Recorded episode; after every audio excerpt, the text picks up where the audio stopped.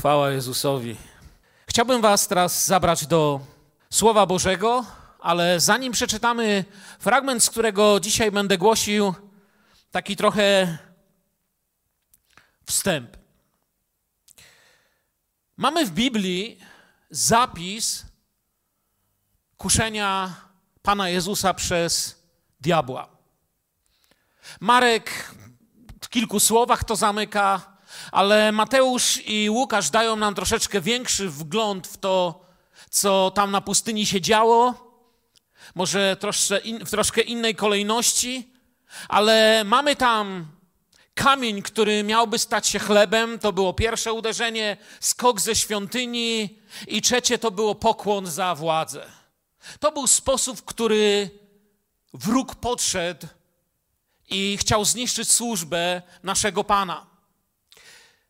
Te fragmenty nie są tam tylko po to, żebyśmy szczegółowo wiedzieli i na wiedzy poprzestali. Te szczegóły są tam po to, abyśmy zobaczyli, jak radził sobie z tym Pan Jezus Słowem Bożym i w jakich sprawach, w jakich dziedzinach kusiciel może uderzyć w Twoje czy moje życie. Odsłania to sposób jego działania. Gdyby chodziło tylko o pokazanie tego, że Jezus sobie poradził, to można to było napisać lepiej w dwóch wersetach. Pan zwyciężył, diabeł uciekł, wszystko. Ale Bóg nam chce coś pokazać. Chce pokazać, że mamy indywidualną walkę, którą trzeba stoczyć. I dużo różnych rzeczy o podstępach diabła można by powiedzieć, ale z reguły jego taktyka jest bardzo podobna. Dzisiaj również żyjemy w czasach, kiedy wielu ludzi w szpitalach na pierwszej linii, w problemach ze swoim zdrowiem, w domach, w różnych sytuacjach, które sprawiło to zamieszanie, które przyszło na cały świat, toczy swoją walkę. Słowo wirus jest odmieniane przez wszystkie przypadki i powoli zaczynamy wszędzie je słyszeć. Człowiek włączy radio, telewizję, wszędzie o tym się mówi. Czyli samo słowo wirus, już, już ono samo w sobie, jako słowo, jest duchową lekcją. Wirus pochodzi od łacińskiego słowa wirus, tak samo się pisze jak po polsku, tylko przez V, i oznacza nic innego, jak w tłumaczeniu na język polski z łaciny oznacza jad albo truciznę. To jest znaczenie słowa wirus. Poza niszczeniem organizmu, poza komórką, w cudzysłowie oczywiście, gospodarzem, w którą poza organizmem, w który wnika, czyli gospodarzem, jak mówię w cudzysłowie, bo to jest wirus, wnika tam po to, żeby niszczyć, żeby zabijać, żeby robić to, co robi jad. Oni, diabeł, mają podobne cele: niszczyć, zabijać, rozpraszać, osłabiać, powodować strach i śmierć. Wiecie, że wirus sam w sobie jest niczym. Poza organizmem, który wyniszcza, sam w sobie jest niczym. Trwa jakiś czas, a potem koniec. Jeżeli chodzi w ogóle o wirusy na świecie, tak sobie popatrzyłem dzisiaj w kilka statystyk, to na świecie łącznie na dzień dzisiejszy, patrzyłem dzisiaj mniej więcej pomiędzy godziną siódmą i ósmą rano, nie tylko koronawirus, ale różne wirusy na świecie. Od 1 stycznia 2020 roku do niedzieli dzisiejszej, czyli do 7 rano, wirusy na świecie i choroby zakaźne zabiły 4 miliony 136 569 osób. To mówią statystyki. O wielu z tych ludzi być może nawet nie wiadomo i to jest to, co wiemy. Oczywiście mówię tu o wszystkich chorobach zakaźnych. Tyle ludzi zginęło. Druga ciekawa rzecz, naukowcy nawet nie wiedzą, skąd się wzięły wirusy. Nie ma na to jasnej odpowiedzi. Próbowałem, lubię czytać, więc zacząłem poszukiwać i okazało się, że w nauce istnieją trzy różne mm, nauczania na ten temat.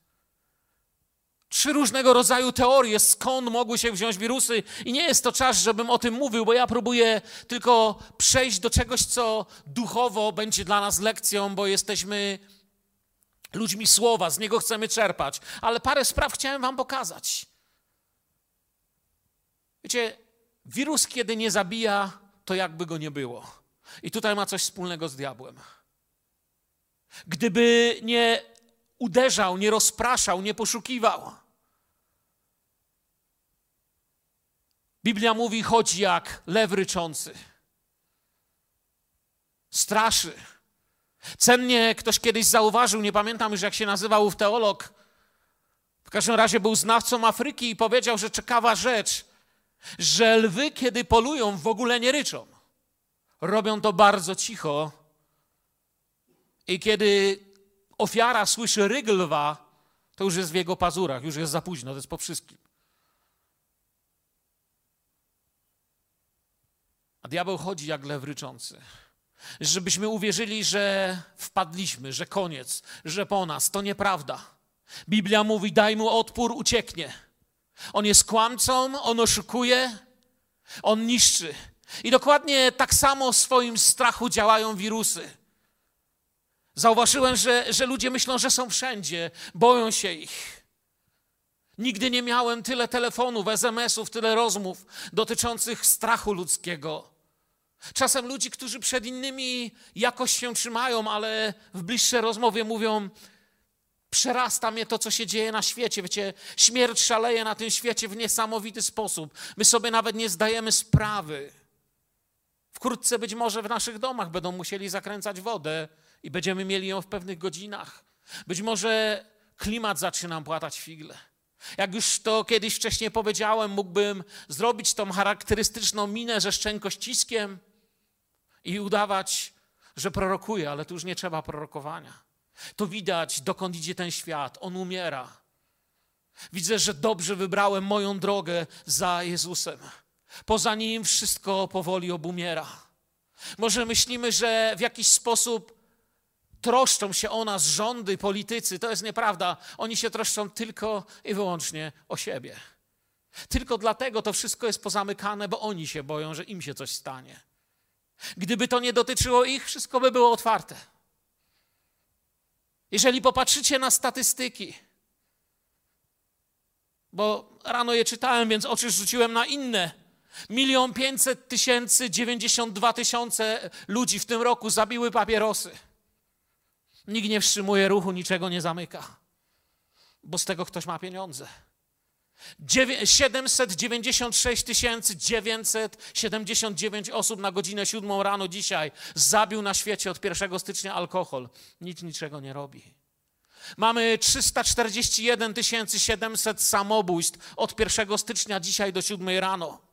2 miliony 600 tysięcy 17 osób zabił rak. 13 milionów 546 600 osób od 1 stycznia, 13 milionów 546 600 od 1 stycznia zabiła aborcja na całym świecie. Nikt nic nie robi. Wiecie czemu nic nie robią? Bo ich to nie dotyczy. Nas Kościoła dotyczy. Modlitwa o ten świat i troska o to, o to życie. Tylko dzisiaj jeżeli jeszcze chcecie statystyk, ale już kończę, wiem, że nie po to tu stoję. Tylko dzisiaj 11 194 osoby umarły z głodu. Dziś. Odkąd się zaczął dzisiejszy dzień do 7 rano. Koronawirus zabił 202 tysiące ludzi. To jest dużo. Ale tylko dlatego świat się trzęsie i są te środki, bo boją się ci, którzy nim rządzą. Gdyby ich to nie dotyczyło, nie byłoby żadnych ograniczeń. Moglibyśmy ginąć i umierać. Największe pieniądze, pieniądze, światowa polityka i władza robi na tym, co zabija ludzi. Największe pieniądze tego świata są tam, gdzie zabija się bliźniego w produkcji broni, narkotyków, papierosów, alkoholu i handlu ludźmi. To są największe pieniądze. Tam książę ciemności tego świata najlepiej płaci. Oto świat, na którym żyjemy, kościele. Oto świat, w którym przyszło nam żyć. Świat, który naprawdę, jeżeli ktoś się chce optymistycznie nastrajać, patrząc na ten świat, to popełnia ogromny błąd. W tym świecie nie ma nic optymistycznego. Mój optymizm brzmi tak, że pewnego dnia na głos trąby, na głos archanioła, najpierw powstaną ci, co zasnęli w Chrystusie, potem my będziemy z Panem zabrani, porwani w górę i tak zawsze z Nim będziemy. To jest moja ojczyzna, to jest moje miejsce, to jest to, na co czekam, dokąd zmierzam. I wracam do tego, co powiedziałem o pokuszeniu Jezusa. Jak już mówiłem wcześniej, za daleko poleciałem z tymi wszystkimi statystykami i tak dalej. Chciałem wam coś pokazać. To jest po prostu to, czym żyję, na co patrzę. Widzę, dla tego świata nie ma innej nadziei niż Pan Jezus Chrystus. Są jakieś środki zaradcze, ale on jest odpowiedzią, nadzieją i ratunkiem. Nie w sensie religijnej budowy kolejnych kościołów i potępiania tych, co nie wierzą, ale w sensie naśladowania go, bycia pełnym Ducha Świętego, ogłaszania i modlitwy nad nieszczęściem ludzkości na tej ziemi. To jest dla nas wezwanie. Jezus poszedł i oddalił się na kwarantannę. Jak wiemy, kwarantanna oznacza nic innego jak po prostu 40 dni w tłumaczeniu na język polski. To jest znaczenie słowa kwarantanna. 40. 40 dni. Z reguły na kuszenie Jezusa na pustyni patrzymy przez pryzmat postu i to jest właściwe, bo Pan Jezus tam poszedł i pościł, ale chciałbym dziś popatrzeć przez inne ograniczenie. Przez to, kiedy wchodzisz w pewną samotność, kiedy codzienność w jakiś sposób znika, kiedy człowiek jest sam ze sobą, a przeciwnik podchodzi bardzo blisko. Ostatnio w jakiś sposób wielu z nas tego doświadcza. Jest inaczej. Zamknięci w domu uczymy się też lekcji o sobie. Przez ostatnie dwa miesiące wielu ludzi, wiele małżeństw, wiele dzieci, wielu rodziców Osoby starsze i młodsze nauczyły się o sobie i swoich bliskich lekcji, których w ogóle wcześniej nie znaliśmy. Lekcja Jezusa na pustyni pokazuje, jak uderza diabeł. U niego zawsze głównym centrum nauczania chrześcijaństwa jest Jezus. Głównym centrum nauczania diabła wcale nie jest on sam, jest nasze ego, nasze ja. Jeśli uda mu się to ubóstwić, to jesteśmy Jego. I w taki sam sposób podchodził i kusił Jezusa. Masz prawo do tego chleba. Moje należy mi się. No w końcu wiem, kim jestem. Należy mi się. Jezus mówi nie. Nie samym chlebem. To nie chodzi o to, czy się należy, czy nie. Chodzi o to, że moje życie jest prowadzone innym duchem. Albo jeżeli skoczysz ze świątyni, o, wszyscy zobaczą. Niech nie zapomną, kim szczególnym jesteś. Ty. To ty, zobacz. Zażądaj oklasków, zażądaj uwagi. To jest to, gdzie przeciwnik lubi wpływać. No, słuchaj, kto jak kto, ale ty. Albo oddaj mi pokłon, dam ci te królestwa. Innymi słowami, uwierz, to chodzi o ciebie. To ty tutaj jesteś pępek świata, to ty jesteś centrum. Ego. Ego jest największą pieczęcią bestii i diabła, jaką możecie sobie na tym świecie wyobrazić. Im większe ego, tym większa wokół niego śmierć, tym większy wokół niego chaos. I odpowiedzi Jezusa są aktualne i mocne w naszej sytuacji. Miejcie czas nad tym słowem, bo nie z niego, jak mówię, chcę dziś głosić. Kończę mój przydługawy wstęp i teraz chcę wejść w słowo, które chciałbym, byśmy razem przeczytali. Jak mówię, ludzie są oddzieleni w domach. Zmieniła nam się sytuacja. Tylko dzisiaj rano, nawet nie wiedząc, wiecie, kiedy szybko sprawdzałem bieżące wiadomości, zobaczyłem, jaki jest wzrost przemocy, awantur, pobić, rozpadów rodzin. To był główny artykuł na jednym z głównych serwisów informacyjnych. Duże ego zamknięte w małym pudełku zaczyna rozrabiać. Zamienia w koszmar życie żony, męża, dzieci, rodziców, bliźnich. I Bóg daje nam słowo. Bóg daje nam słowo dla naszego domu. Jest w Biblii słowo przygotowane dla Twojego domu przygotowane dla bycia w swoim pomieszczeniu. Stamtąd zaczyna się wszystko. Z głębi ciebie, to co wokół, w twoim domu, to jest to, co pójdzie na ulicę. Oto nasz psalm, nasze słowo na dzisiaj, który przenosi cię prosto do twojego mieszkania, do twojego domu. Nie wiem, czy mieszkasz na 30 metrach kwadratowych, czy na 2000 metrów, czy mieszkasz w pałacu, czy w chatce, ale przynosi cię do twojego domu. Otwórzmy psalm 101, psalm Dawidowy i przeczytajmy to słowo. Dawidowy psalm. Zaśpiewam o łasce i o prawie. Tobie, Panie, pragnę grać. Przyswoję sobie drogę doskonałą. Powiedz, kiedy do mnie przybędziesz. Będę chodził w niewinności mego serca, także wtedy, gdy przebywam w swoim domu. Nie postawię sobie przed oczami żadnej sprawy, która byłaby niegodna. Znienawidziłem postępowanie przestępców, nie przylgnie ono do mnie. Niech przewrotne serce odwróci się ode mnie. Zła znać nie chcę. Kto skrycie zniesławia bliźniego, tego zniszczę. Nie zniosę wyniosłych oczu i butnego serca. Zatroszczę się natomiast o wiernych tej ziemi. Chciałbym, aby mieszkali ze mną. Kto pragnie postępować nienagannie, ten będzie mi służył. Nie zamieszka pod moim dachem nikt, kto dopuszcza się zdrady. Ten, kto ucieka się do kłamstwa, nie ostoi się w mych oczach. Każdego ranka będę tępił wszystkich bezbożnych tej ziemi, tak by usunąć z miasta Pana wszystkich czyniących nieprawość. Wow, ale słowo. Może ktoś powie, no to teraz ciekawe, co ty, co ty o tym powiesz, co ja mam z tym zrobić w moim domu. Tak, kochani, to jest psalm królewski. Mamy tych psalmów królewskich w Biblii kilka. Nie wiem, drugi, osiemnasty, dwudziesty, dwudziesty pierwszy, dwudziesty siódmy, siedemdziesiąty drugi, osiemdziesiąty dziewiąty i tak dalej. Jest ich więcej. Oto modlitwa króla w dniu intronizacji.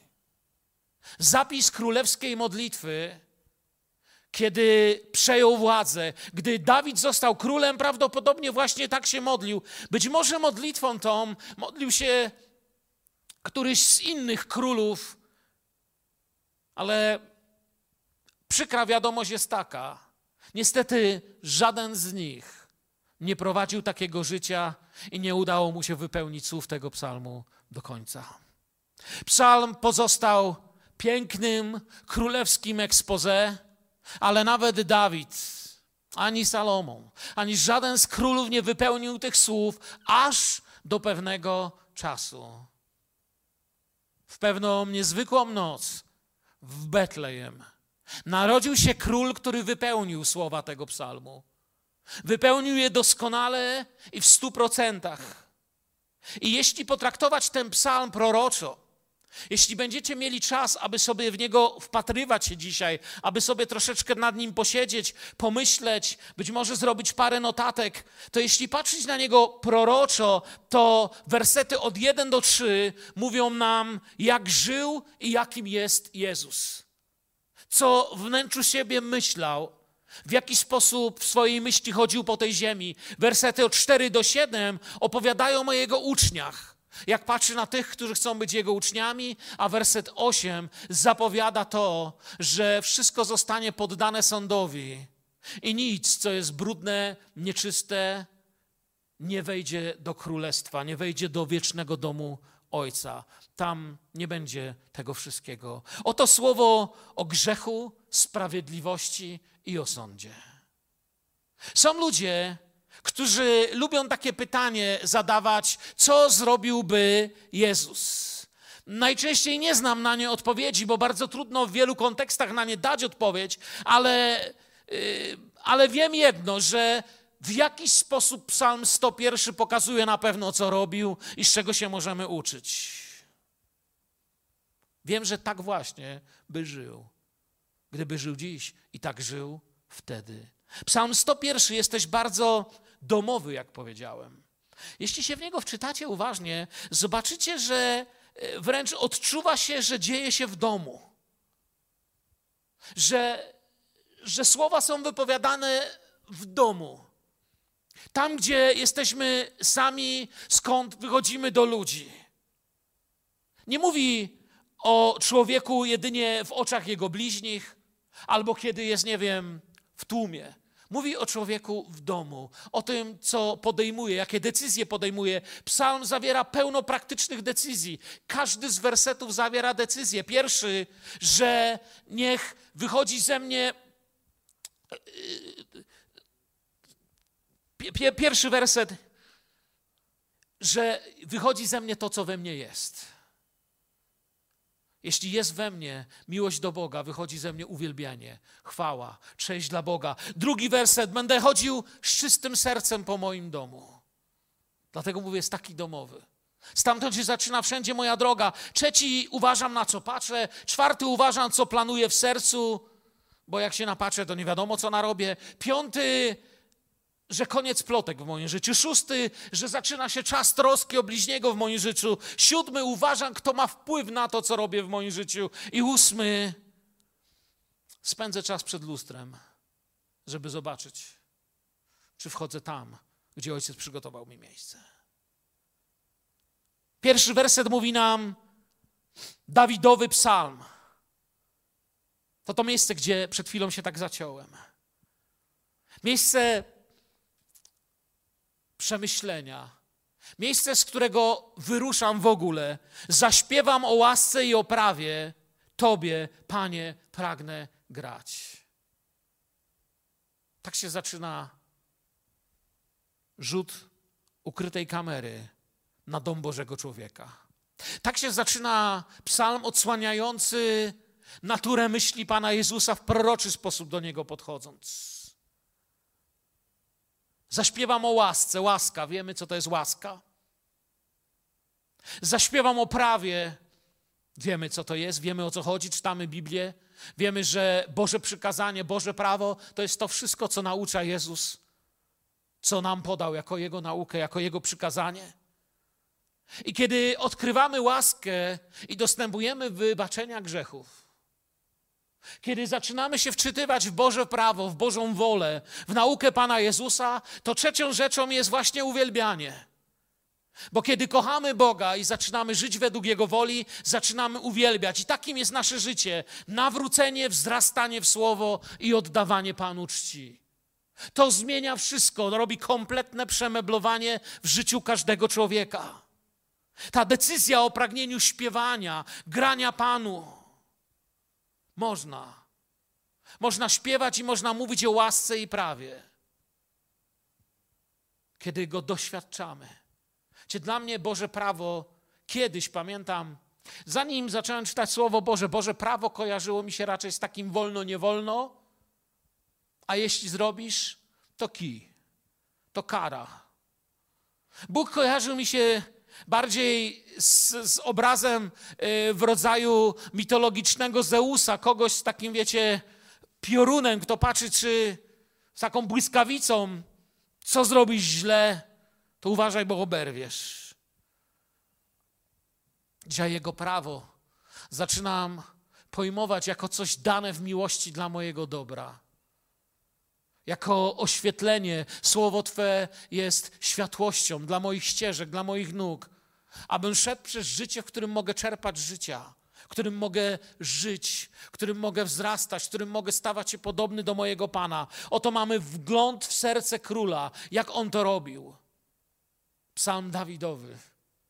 O czym jak o czym, ale o łasce coś naprawdę Dawid wiedział. On doznał łaski w tak tragicznych okolicznościach i w tak potężny sposób. Nie mam dziś czasu dokładnie tego tu omówić. Warto poczytać sobie o Dawidzie. To nie był taki król, wiecie, kiedy czytamy o nim, że został królem i żyli długo i szczęśliwie. Bo ani strasznie długo nie było, ani szczęśliwie cały czas nie było. Wiele się nauczył, wiele o łasce i o prawie zrozumiało. Bo czasem ja wiem, że o łasce się mówi tak, że świat nawet uknął takie powiedzenie tania łaska. Bo czasem tak się o tym mówi. Czasem o prawie mówi się tak, że człowiek z boku, który nie zna Słowa Bożego i nie słyszał o Jezusie, o Jezusie może pomyśleć, że nie ma żadnych szans. Psalmista pragnie tym żyć. To jest jego, no, jego nowa droga. I w drugim wersecie mówi: Przyswoję sobie drogę doskonałą. Powiedz, kiedy do mnie przybędziesz. Będę chodził w niewinności mego serca. także wtedy, gdy przebywam w swoim domu. Inne przepiękne tłumaczenie tego psalmu 101 mówi: W prawości serca mego będę stąpał po moim domu. To jest nasze powołanie. To jest to, jak mam chodzić po moim domu. Chodzenie z czystym sercem po domu. Jest bardzo mocno. Słyszycie mnie? Chcę, żebyście to usłyszeli, gdziekolwiek mnie teraz słuchacie. Chodzenie z czystym sercem po moim domu, po Twoim mieszkaniu, po Twoim domu jest mocno związane z obecnością Boga i czekaniem na Jego powtórne przyjście i czekaniem na Jego obecność każdego dnia. Takie serce może pragnąć tego, aby przyszedł. Jeżeli boisz się tego, że Jezus może przyjść w każdej chwili, że to, co nazywamy dzisiaj, może nagle się skończyć, to prawdopodobnie masz również problem z doświadczaniem codziennej obecności Pana Jezusa w swoim życiu. I Bóg nie mówi, że jesteś przekreślony, że w takim razie koniec, że nie wiem, nie należysz do, do, do ludu Bożego. Bóg mówi. W dziesiątkach miejsc biblijnych mógłbym następne dwie godziny o tym mówić. Powiem jednym z nich. Zgrzeszył kto z was dzieci? Orędownika mamy u Ojca. Możesz przyjść. Możesz doświadczyć wybaczenia. Wiele razy prosiłem o Boże wybaczenie i wiem, że Bóg wybacza grzesznikom. Tego, że Bóg wybacza, jest pełny łaski, nie nauczyłem się na lekcjach teologii, ale na własnych kolanach, we własnych łzach, bo ja jestem człowiekiem, który potrzebował łaski. Potrzebujesz dzisiaj wyjścia z grzechów łaski? Potrzebujesz łaski. On ją daje. Przyjdź i on ci da. I tam to serce psalmisty mi się podoba. Trwam w Twoim słowie, w moim domu. Kiedy przyjdziesz? Innymi słowami, Panie, dzwonię do Ciebie, bo, bo czekam. Jestem gotowy. Nie wiem, czy przyjdziesz do mnie, aby nawiedzić mój dom, czy przyjdziesz, aby zabrać mnie do Twojego, ale jestem gotowy, oto jestem, stoję przed Tobą. Nie dlatego, że jestem taki fajny chłop, że jestem gotowy, ale z powodu właśnie Twojej łaski i prawa, które opiewam, o którym mówię, które zmieniło moje życie i uwolniło. Jestem gotowy. Słowo przenosi nas do domu. Następna ważna rzecz, którą bardzo pragnę, byście usłyszeli. Posłuchajcie teraz uważnie. Dom to jest miejsce, któremu możemy dać taką nazwę. Oto miejsce, w którym nikt naprawdę nie widzi, kim naprawdę jestem. Oto miejsce, gdzie nikt nie widzi. Miejsce, gdzie nikt nie wie, co robię. To właśnie w domu. Miejsce, gdzie nikt nie widzi, ma jeszcze inną swoją nazwę. To jest miejsce początku każdego upadku. Jeżeli kiedykolwiek w życiu upadłeś, to jeżeli prześledzisz historię Twojego upadku, zaczął się tam, gdzie nikt nie widzi. Nie dzieje się to jedynie na zewnątrz. W domu jestem tym samym. Wiecie, nie da się być Bożym człowiekiem w kościele, będąc człowiekiem diabła w domu i na ulicy. Nie da się kochać tylko ludzi w kościele, nie kochając ludzi w tym świecie. Mamy coś z Jezusa, co bierzemy. Bez względu na to, czy był na osobności, tylko w obecności Ojca, czy był pośród ludzi. Skupiony był na tym, by być tym, kim Ojciec chce, żeby był. I to jest nasza lekcja. Dzisiaj na ulicach potrzebne są kamery, w samochodach kamery, wszędzie kamery, ludzie wszystko dokumentują, żeby się nikt nie wyparł, bo jedno robimy, drugie mówimy i jest kamera w naszym sercu, nasze sumienie, która mówi: Ty najlepiej wiesz, że w ostatnim tygodniu, w ostatnim miesiącu ta kamera wewnętrzna pokazuje ci rzeczy, które należy zostawić. Nie wyciągaj ręki tam, gdzie nie powinna Twoja ręka być. Nie idź myślami tam, gdzie nie powinny się znajdować. Dokładnie trzeci werset pięknie nam to oddaje. Nie postawię sobie przed oczami żadnej sprawy, która byłaby niegodna. Znienawidziłem postępowanie przestępców, nie przylgnie ono do mnie. Czy, czy nie wiem, czy tu potrzeba w ogóle komentarza. Nie postawię sobie przed oczami żadnej sprawy, która byłaby niegodna tego, dokąd idę, tego, kim jestem, czyli niczego, co chciałbym wnieść w kieszeniach tam, dokąd się wybieram. Na co patrzę, kiedy jestem sam w domu? Na co patrzę, kiedy nikt nie widzi? Co naprawdę robię? Ktoś może pomyśleć, o ciekawe, na co patrzę, gdy nic nie widzi. Wiecie co? Czasami to mogą być nawet zwykłe wiadomości. Każdy z nas patrzy dziś wiadomości. Ja też chcę wiedzieć, co się dzieje, ale nie nasączam się nimi. Tylko ostatnie dwa tygodnie miałem kilkanaście rozmów z ludźmi, którzy niczego innego nie robią, tylko zamiast Słowem Bożym nasiąkają wiadomościami. Są jedną wielką chodzącą ruiną pełną strachu, bezsenności, depresji i rezygnacji. Rano, kiedy wstają, klik, włącza się. I wieczorem wyłączają, cały dzień nasycają siebie, napełniają. Słuchaj, no tym, czym się napełnisz, tym jesteś. Jak się człowiek wypije wódkę, to będzie pijany. Jak będzie cały czas spożywał tylko z tych negatywnych wiadomości, to będzie czym wielu jest. Kłębkiem nerwów, strachu, beznadziei i rezygnacji. Psalmista mówi: Nie stawaj tego przed Twoje oczy. Bóg ma dla ciebie zastawiony stół. Postaw przed swoimi oczami stół, Boże obietnice, naucz się paru wersetów na pamięć. Ja często, kiedy budzę się w nocy, mówię sobie wersety na pamięć, które znam. W niesamowity sposób Słowo Boże moje serce ucisza, napełnia. Czasem w ciągu dnia, kiedy jestem sam, śpiewam sobie psalmy.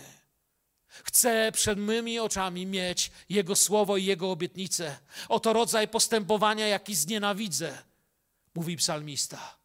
Nienawidzę ludzi, którzy karmią się takimi rzeczami i ja nim nie będę. Zrozummy to dobrze. Nie odnośmy teraz tego, a to w takim razie nienawidzę sąsiada, bo się tym napełnia. On jest biedny, ty zostałeś powołany, żeby mu pomóc, a nie go nienawidzieć. Znienawidź to postępowanie, to co za tym stoi. Jasno zrozummy to. Religijnymi poglądami nic nie zmienimy. Czystością serca mamy Bożą obecność i szansę na zmienianie świata. Korupcja nigdy nie może być naszą opcją. Bóg nie potrzebuje radykalnych teologów, zakazalnicą i liberalnych ludzi na ulicy w tej samej osobie. Niech przewrotne serce odwróci się ode mnie. Zła znać nie chcę, mówi czwarty werset. Dlatego poprzedni był taki ważny. Na co się napatrzyłem, no to teraz robię. Polityka? Erotyka? Opinie? Czym się napełniłem? Zaczynam poszukiwać. Słowo Boże? Boże obietnice?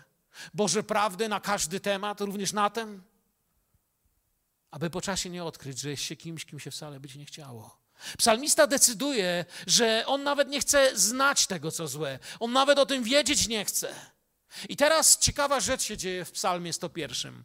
Psalm królewski z osoby króla, bo do tej pory mówił o sobie, jak chodzi po swoim domu, co myśli, co odsuwa sprzed swych oczu, a na co patrzy.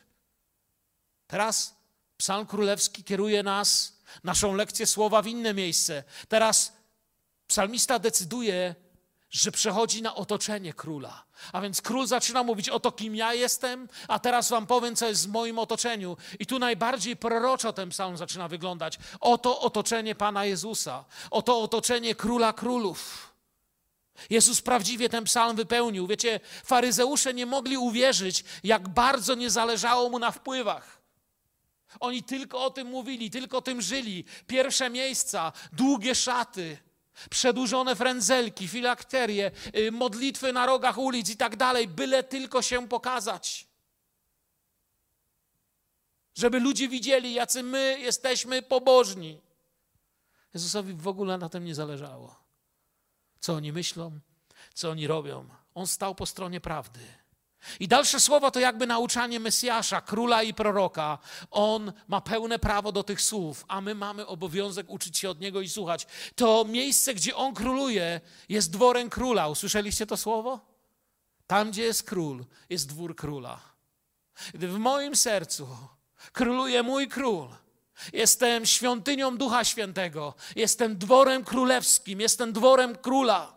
To zachęca, by czynić nasze życie i dom czymś zupełnie innym. Ta, wiecie, na dworze króla się trzeba zachować. Nie, nie, nie, nie, nie ze wszystkim da się tam przyjść. I on zaczyna mówić: Oto jaki człowiek będzie przebywał w moim dworze. Kto skrycie zniesławia bliźniego, mówi piąty werset, tego zniszczę, nie zniosę wyniosłych oczu i butnego serca. Innymi słowami, król mówi: Ktoś taki nie może przebywać przed moim obliczem, a jeśli nie mogę przebywać przed jego obliczem, to znaczy, że niczego nie załatwię. Moja modlitwa nie dochodzi do Boga. Czyli decyzja z tego wersetu jest taka: nie każde towarzystwo jest dla mnie dobre i muszę uważać, kim ja jestem. Nie każda postawa jest dla mnie właściwa. Zobaczcie, król najpierw, jeśli się cofniemy do, tam do przodu, przejdziemy tam do, do, do, do początku psalmu, to najpierw mówił o łasce. Teraz mówi o tych, którzy się tym nie przejęli. Ciekawe słowo, nie? Cofnąć się do przodu. Zastanowiłem. Zobaczcie, można się cofać do przodu jednak. Innymi słowami, ten werset mówi: precz z plotkarstwem. Większość z nas, 99%, przecinek 9 w kościele powie: Amen, precz z plotkarstwem. No chyba, że to mnie dotyczy, to wtedy tak trochę tylko precz.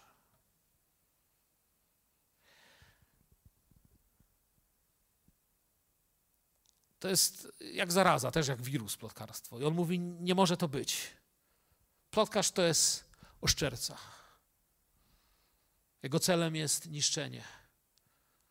Oszczerca, Biblia mówi, nie będzie pośród ludu Bożego. Oszczerca z greki diabolos. Ktoś taki nie może stać przed majestatem króla w jego dworze, w jego przedsionkach. Czy naprawdę chcemy tak przemieniać nasz sposób myślenia, aby mieć dostęp do Boga, by wprowadzać różnicę w tym świecie, różnicę, która wskazuje na Jezusa, bo stworzone w ten sposób miejsce prowadzi do społeczności i służby. To nie jest tylko tak, że ten psalmista tu krzyczy: tego nie, tego nienawidzę, tego nie będzie. On tworzy miejsce, on zamiata, on wyrzuca rzeczy złe i toksyczne. Po co mu to miejsce? On chce to miejsce stworzyć, bo ma plan jego plan jest wersetem szóstym. Zatroszczę się natomiast o wiernych tej ziemi. Po to chcę być tym, kim był Jezus, naśladować Jezusa, bym mógł tak jak Jezus stać się błogosławieństwem dla innych. Powiedz amen, powiedz, że to jest to, Panie, co chcę. Chcę być pomocą dla innych. Podnieś mnie z moich ruin, z mojego brudu, z mojego upadku, z mojego nieszczęścia, bym mógł stać się Twoim narzędziem dla wielu ludzi, którzy mnie potrzebują i nie znają prawdy ale nie mogę się nim stać, jeśli tego nie zmienię. Szósty, psalm, szósty werset, przepraszam, jest piękny. Zatroszczę się natomiast o wiernych tej ziemi. Chciałbym, aby mieszkali ze mną. Kto pragnie postępować nienagannie, ten będzie mi służył. Chciałbyś, by mieszkali z tobą, nie? Czasami, kiedy odwiedzali mnie przyjaciele z kościoła, Szczególnie tacy ludzie, z którymi, nie wiem, trochę więcej niż z innymi nas łączy, tacy przyjaciele, przyjaciele, wiecie o co chodzi, nie? Człowiek czasami by chciał, szkoda, że nie jesteś moim sąsiadem. Ile razy chcieliście, żeby jeden czy drugi brat mieszkał zaraz za waszym płotem? Szkoda, że mieszkasz tak daleko. Pragnę, byś był ze mną, ale z wielu innych, którzy potrzebują naszej opieki. I ten szósty werset nam na to zwraca uwagę. Ten psalm to nie tylko teoria, to praktyka. I szósty werset o tym mówi. To nie jest święta piosenka, psalm. To jest praktyczne, prorocze spojrzenie na Jezusa i nauczanie Kościoła, abyśmy byli tym, kim mamy być. Decyzja szóstego wersetu brzmi: troska o społeczność, o Kościół, o służbę. Chcę bliskości z tymi, którzy wierzą to, co ja, byśmy mogli nieść troskę i pomoc.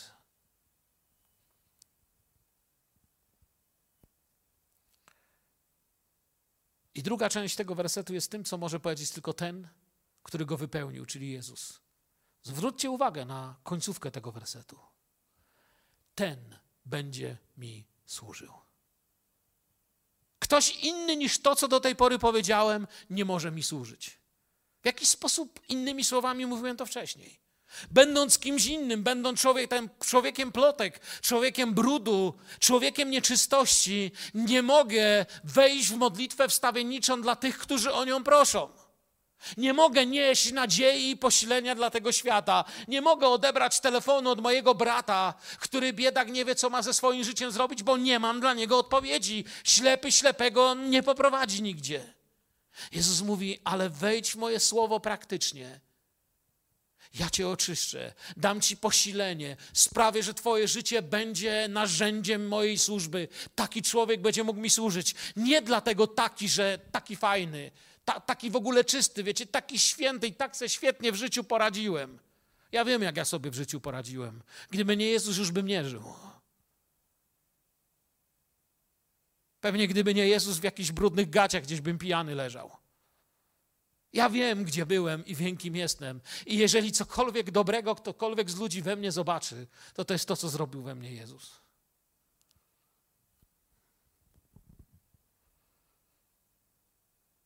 On może. Taki człowiek będzie mi służył. I tu jest jeszcze ciekawa rzecz z tą służbą, wiecie. Tu jest ciekawe słowo. Ten będzie mi służył. Sharif, takie słowo tu jest. To jest Słowo określające sługę w najbardziej świętym miejscu Jahwe, o tak powiem. Tym słowem określono tych, którzy sprawowali służbę przed samym świętym Bogiem w świątyni. tym słowem określano ich służbę, mam na myśli. Biblia go w takich miejscach używa. To bardziej nie tyle ktoś, kto jest po prostu, kto służy, ale kto usługuje przed, przed, przed majestatem Jahwe w biblijnym sensie. W wypadku świątyni to nie byli ludzie bez wymagań, to byli ci, którzy naprawdę musieli o siebie zadbać, że się delikatnie i skrótowo wyrażę, którzy musieli przejąć się wymaganiami Bożymi względem swego życia, by wejść w to święte świętych, w tą obecność Boga i tak mu usługiwać. I do tego jesteśmy powołani.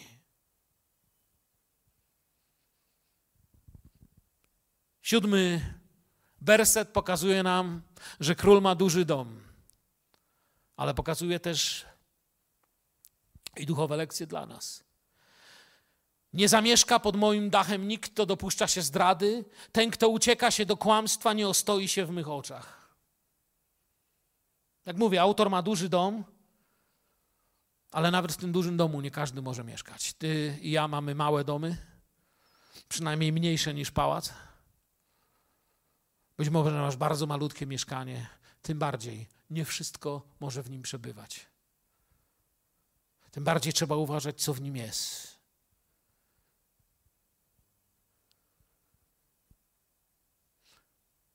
Są ludzie, którzy nie mogą być kimś w moich oczach, ponieważ są przeciwni temu, co mówi Bóg. I ich metody, ich sposoby nie mogą być stosowane w moim domu. Może oni sami w nim nie mieszkają, ale czasami cudze idee, cudze pomysły przebywają w, nas, w naszych domach, niszcząc je, bo bierzemy je z miejsc, skąd nie powinniśmy brać. Jest dom, który jest moim wzorem.